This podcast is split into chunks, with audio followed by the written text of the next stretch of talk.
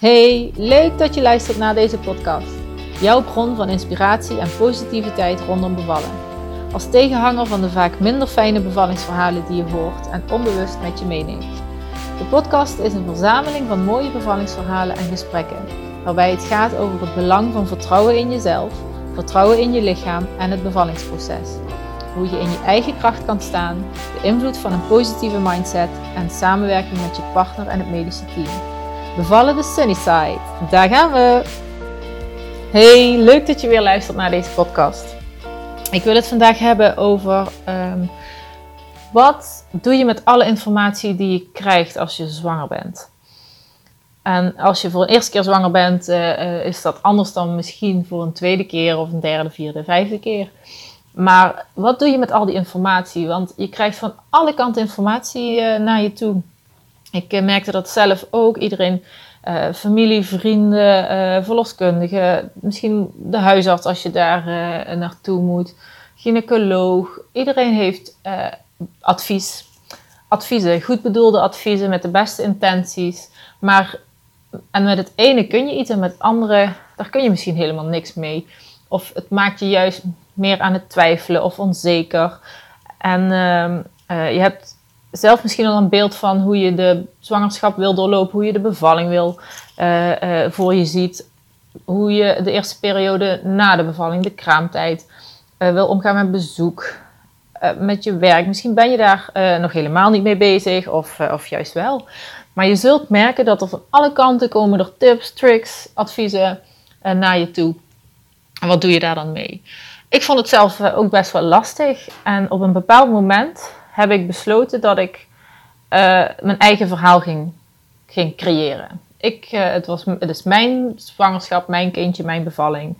En onze, of ons moet ik zeggen natuurlijk, maar soms is het even makkelijker om vanuit ik te praten.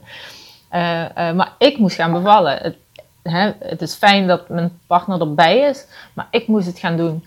En dat, daar zat heel erg mijn kracht, denk ik dat ik ben gaan zoeken naar, uit alle informatie die ik krijg, wat vind ik, wat neem ik mee? En wat uh, neem ik aan en zeg ik, nou, dankjewel. En wat doe ik daar dan mee? Wil ik daar iets mee doen of niet? Uh, je rugzak wordt eigenlijk gevuld door, uh, ook door de media. Want ik ben nu een serie aan het volgen op Netflix. Superleuke ser serie. Um, hoe heet die nou ook alweer? Virgin River. En dat gaat over een verloskundige die naar een een of ander afgelegen dorpje trekt in, uh, in the middle of nowhere in, Amerika.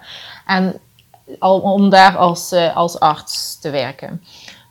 Um, nou, daar komen wat bevallingen voorbij. En dan denk ik, oh mijn god, zij als, als verloskundige doet dat heel fijn en, en heel erg betrokken en voor die vrouwen.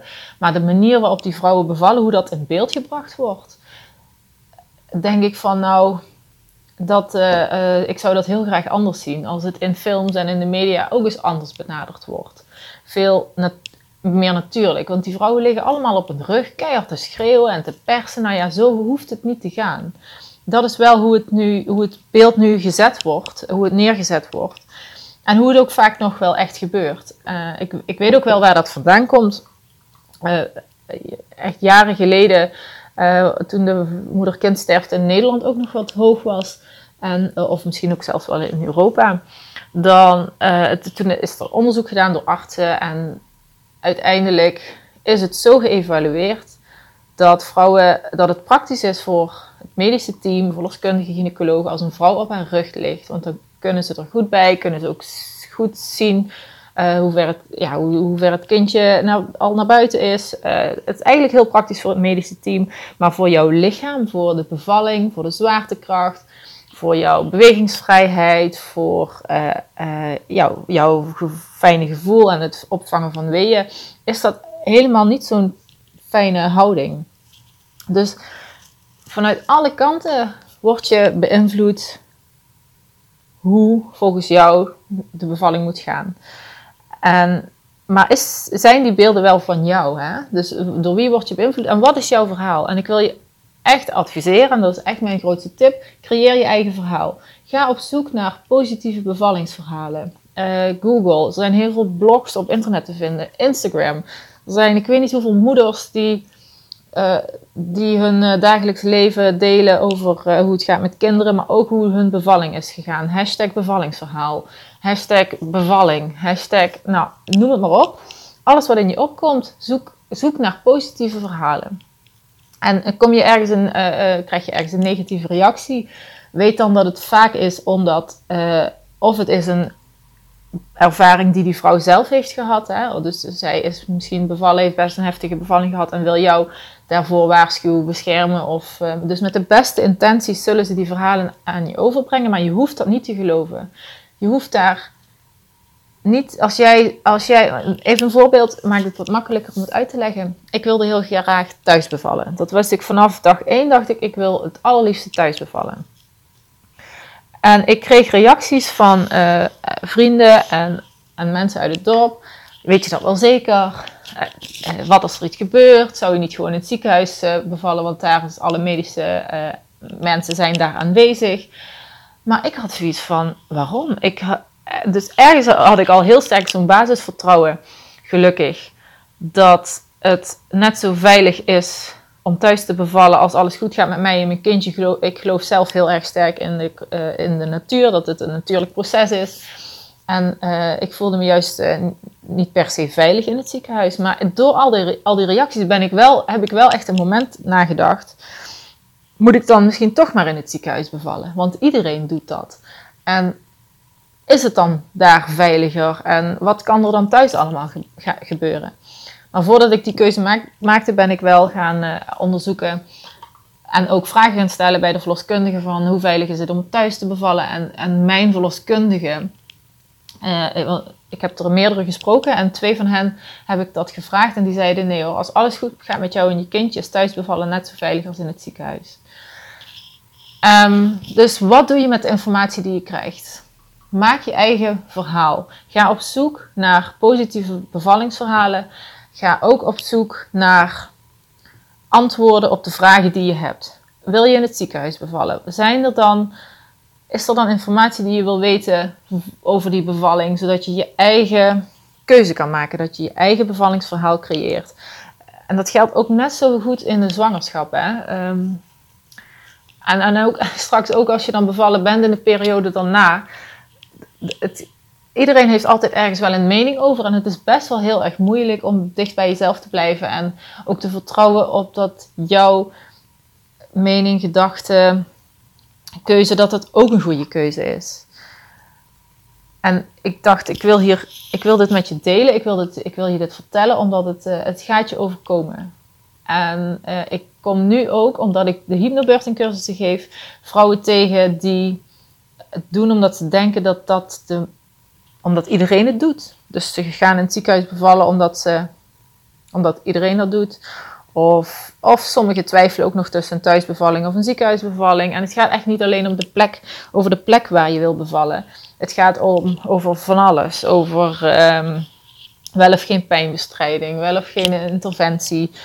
Uh, wie wil je bij de bevalling hebben? Um, ja, het, noem het maar op. Ik kan het, en straks dan ben je bevallen en dan, misschien gaat het dan wel over kraamvisite. Uh, wil je die wel, wie wil je de eerste dag al op bezoek hebben en, en wil je meteen de eerste week al bezoek krijgen of wil je daar een week mee wachten?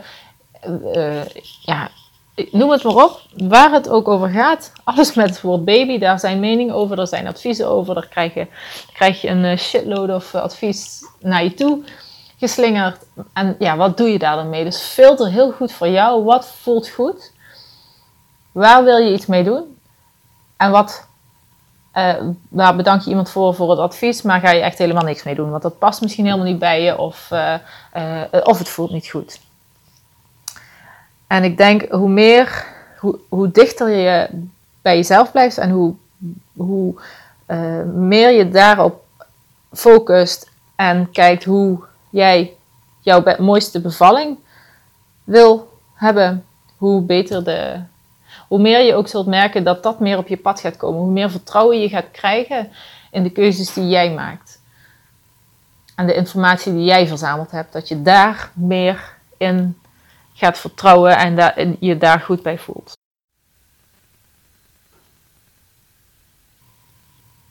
Dus laten we dat met z'n allen doen. Vul je eigen rugzak en laat hem niet vullen met, met meningen van anderen. Tenzij je dat heel erg fijn vindt om dat in je rugzak te duwen. Maar ga dan, ga, zorg dat je met je eigen bevallingsrugzak of zwangerschapsrugzak of kraamtijd rugzak uh, de wereld instapt.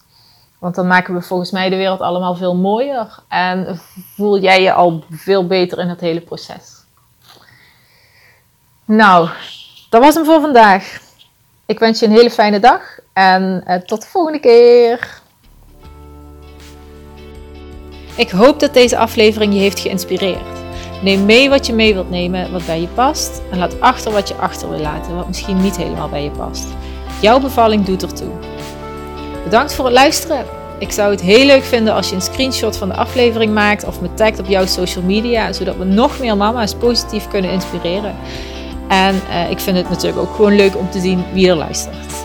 Bedankt en tot de volgende keer.